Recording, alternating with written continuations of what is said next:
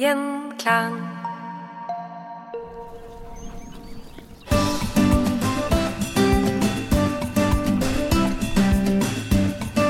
Velkommen til podkasten Merlå reiser. Jeg heter Erik Andersson, og i denne serien podkaster forsøker vi å fortelle noen historier rundt våre sykkel- og fotturer i Europa. Vi er spesialister på den langsomme reisen. I dag har jeg besøk av min kollega Anna Kjersti Frei. Velkommen. Tusen takk, Erik. Og hvor skal vi i dag, Anna Kjersti? I dag skal vi på sykkeltur i Puglia i Italia. Å, så spennende. Der har jeg aldri vært. Fortell. Hvordan er det der egentlig? Ja, Puglia ligger jo i det som kalles for Italias hæl. Det er regionen lengst ned i det sørøstre hjørnet. Jøss, yes, dit er det langt. Men hvordan tar man seg dit, da? Ja, det går jo både tog og buss gjennom hele Europa, men det tar litt tid fra Norge. Hvis du ikke har så god tid, så er det fly som må til. Nærmeste flyplass er Bari eller Brindisi. Det hender at det går direkte fly fra Oslo Gardermoen på sommeren til Bari, men det er i så fall bare en kort periode i høysesongen. Så hvis du skal fly til Bari eller Brindisi, så blir det via en flyplass et sted i Europa. Ellers kan du fly til Roma, men da får du jo en 56 timers togtur videre til Alberobello. Første overnatting er i Alberobello. Når navnet slutter på Bello, så må jo dette være et vakkert sted? Ja, det er en veldig flott og spesiell by. Den kom på Unescos verdensarvliste i 1996. Her har de to bydeler, én ny og én gammel. I den gamle delen finner du det alle turister kommer hit for å se, nemlig Trulli-husene. Det er det de kalles, disse tradisjonelle husene med kjegleformede tak. De er bygget med stein, uten mørtel av noe slag, omtrent som steingjerder, men eh, mer forseggjort. Trulli var generelt bygget som midlertidig ly på markene og som lagerhus, eller som små, faste boliger, til landbruksarbeidere og husmenn. Det er flere teorier som knyttes til hvordan husene fikk denne utformingen, men jeg tror mest på den teorien som bygger på det som til alle tider har vært med på å påvirke byggemetoder, nemlig skatt. Folk bygget husene sine i tørrstein, altså uten mørtel eller sement av noe slag, når huseieren kunne påberope seg at huset bare var noe midlertidig som snart skulle tas ned, slapp de eiendomsskatt. Det var veldig smart, for de runde, sirkelformede takene er satt sammen av overlappende steinsirkler og egentlig ganske solide. Og noe annet typisk ved disse husene er de tykke veggene i mur. De holder varmen ute på sommeren og inne på vinteren. Nå var jeg på sykkelen, for at det første sykkeldagen så skal vi til den hvite byen Ostoni. Og hvordan er den turen? Vi skal gjennom en dal som heter Valle Diltria. Her finnes det flere spennende småbyer, og to av dem passerer vi på veien til dagens mål, Ostoni.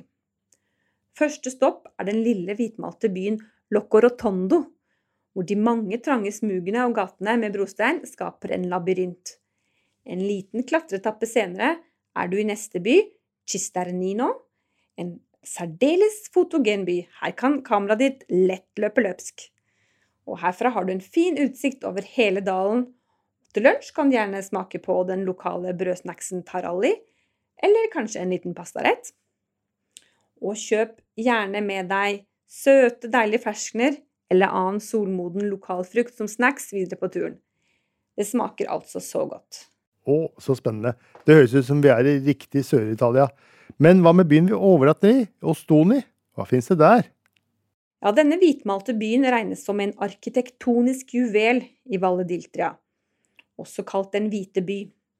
Her finnes det mange gode grunner til å gå gatelangs og kikke på katedralen, de mange palassene og monumentene, for så å finne en sjarmerende restaurante for kvelden. Sug inn stemningen, Erik, for bedre enn dette her, det blir det ikke.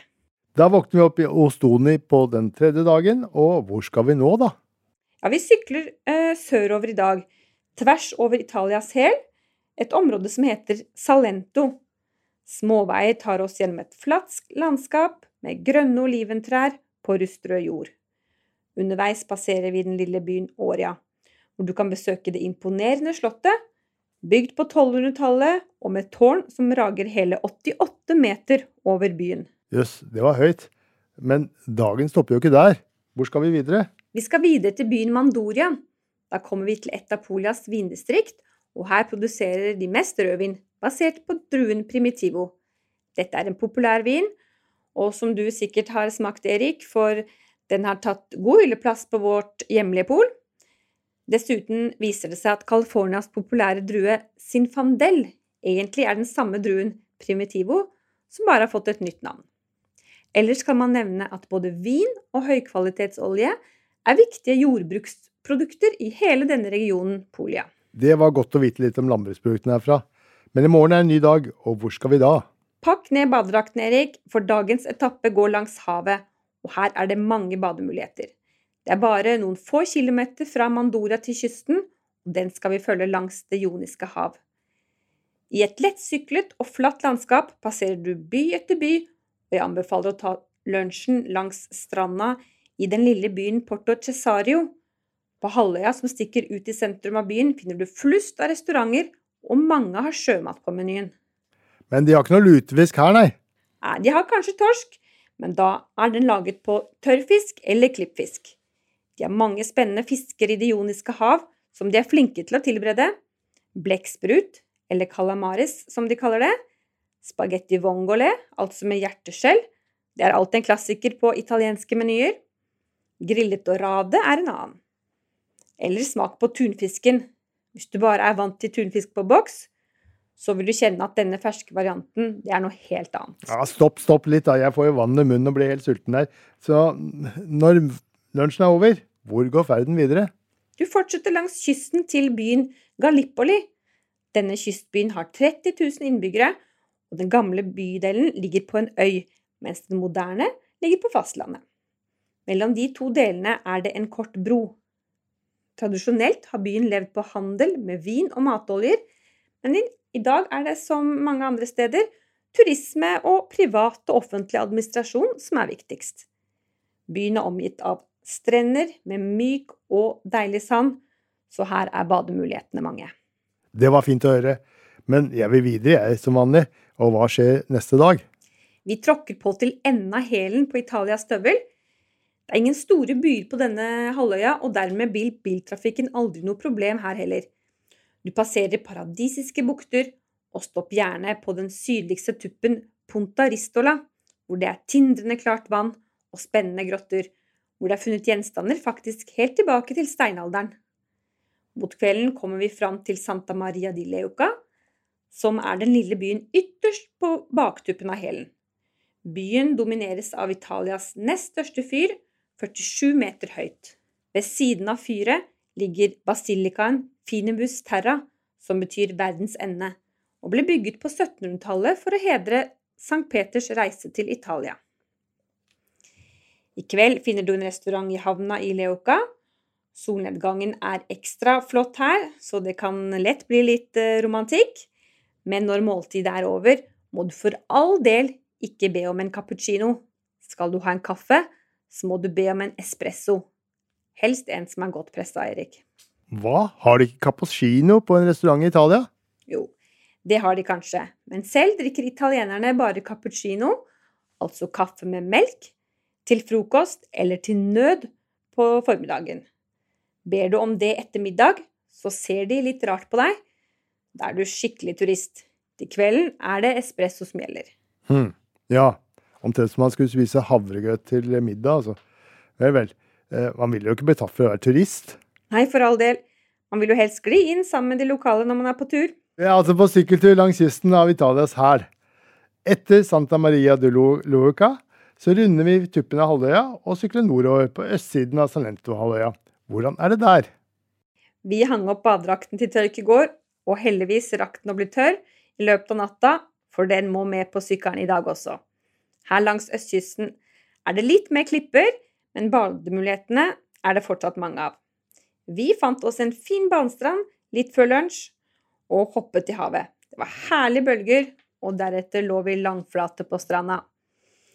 Vi var like ved en landsby hvor vi fant en restaurante med sjømaten godt synlig utenfor. Det ble en så lang lunsj at når vi kom oss på sykkelen igjen, så var klokka nesten fire på ettermiddagen. Da var det bare å tråkke på, for vi hadde 25 km igjen til dagens mål, og Tranto. Vi kom fram så seint at vi ikke fikk tid til å se oss om noe særlig kring i byen. Det var synd, for byen så riktig fin ut. Men vi tok det igjen neste morgen. Gamlebyen med sine smale brostensbelagte gater har mange spennende butikker, og det anbefales å ta en titt på katedralen og det berømte Aragonslottet. Sånn kan det altså gå når man er på sykkeltur. Neste dag er siste sykkeldag. Målet er Lecce, og hvordan er den turen? Dagens etappe går forbi innsjøer ved navn Alimini. Dette er en naturpark med et rikt fugleliv, spesielt i perioden med trekkfugler på høsten og våren. Vi hadde glemt kikkerten hjemme, men de ivrige fugleinteresserte med kikkerter og store telelinser, de var på plass. Det anbefales også et stopp ved Grotta della Poesia, Poesigrotten, og få en helt spesiell badeopplevelse nede i grottene og kulpene. Dagens mål er Lecce, som er Salentos viktigste by med en massevis av barokke fasader. Jeg leste et sted at på 1600-tallet utviklet det seg en spesiell barokk arkitektur her. Barocco leccese omtales den som i opplyste kretser. Dette måtte vi se på, så vi tok en tur i gamlebyen. Det var så vakkert og gjennomført at vi fikk følelsen av å være på et utendørs museum. Kirken Santa Croce tok helt pusten fra oss. Her var det spissbuer med blomsterornamenter og små, søte engler med basuner i massevis. Ah, dette hørtes helt fantastisk ut, Anna Kjersti. Eh, og vi er ferdig med siste sykkeldagen. Denne turen går omtrent fra påske til slutten av juni. Det er opphold pga. varmen i juli-august. Så går den igjen fra september og til senhøsten. Det er start én gang i uka, og i år har det vært på lørdager. Når du har fått bekreftelse fra oss, så har du bestilt hoteller, bagasjetransport, sykkel, kart, veibeskrivelse, GPX-filer osv. for å finne veien. Husk alt du bør vite om denne turen. Den finner du på merlot.no, eller merlod.no, som vi kanskje vil si når vi skal bokstavere ordet på norsk. Men vi har noen faste spørsmål, da. Anne Kjersti, er du klar? Ja, det er Erik. Hvordan er terrenget? Det er mye flatt her, men litt bakkete innimellom er det. Etappene er ganske lange, rundt fem mil, og to dager faktisk helt opp i seks og syv mil. Så om du ønsker å få med deg alt underveis, i tillegg til bading og se deg litt om i byen før middag, så kan elsykkel være en veldig god idé her. Da rekker du over litt mer uten stress. Og hvordan finner jeg veien? Du får tilgang til en app, så du kan følge ruta digitalt på en smarttelefon. Om du ønsker skriftlige veibeskrivelser, får du det tilsendt på mail, og du kan skrive ut hjemme før avreise. Ja, men Det var godt å høre. Han ville ikke bli stående fast og klø seg i huet et sted. Men hva slags overnattingssteder er på denne turen? Det er gode og komfortable tre- og firestjerners hotell, og de er gjennomgående for hele turen.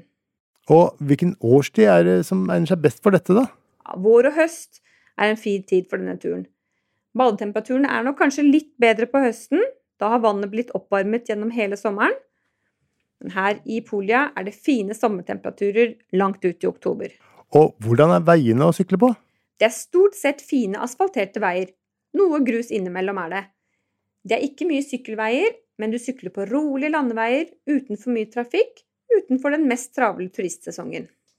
Jeg snakker, jeg snakker ikke italiensk, men øh, hvordan skal jeg klare meg da uten turleder? Ja, det er ikke noe problem å klare seg uten turleder her. Du får tilgang til app med digitale veibeskrivelser, som sagt, og du kan skrive ut skriftlig veibeskrivelse hjemme før avreise. Og hvordan er variasjonsmulighetene? Det kan jo hende at jeg dårlig vær en dag, eller at jeg våkner opp og er, har en sliten kropp. Det er ingen togmuligheter her, eh, men det kan være mulig å spørre om å få sitte på med bagasjetransporten, kanskje mot en ekstra slant. Og til slutt, Anna Kjersti, eh, hva syns du selv om denne turen, da? Jeg kan med hånden på hjertet si at jeg syns denne turen i Polia er den fineste av Merlot-sykkelturene jeg har vært på. Dette er et vakkert område, helt spesielle landsbyer, og det er en veldig spesiell stemning her. Jeg syns um, denne turen i Polia tar deg på en måte litt tilbake i tid. Mye virker litt gammeldags her, men på en positiv måte. Livet går litt saktere, og det mest moderne virker ikke helt å ha nådd fram her i Sør-Italia ennå. Anna Kjersti Frei, Tusen takk for denne informasjonen. Dette høres ut som en veldig spennende sykkeltur. Og du som har hørt på denne podkasten fra uh, Merlot reiser, hvis du er interessert i å høre litt mer eller finne ut litt mer om dette, så finner du det på merlot.no, merlot.no, og der finner du all informasjon om dette. Tusen takk, Anne Kjersti Frei. Takk skal du ha, Erik. Ha det bra.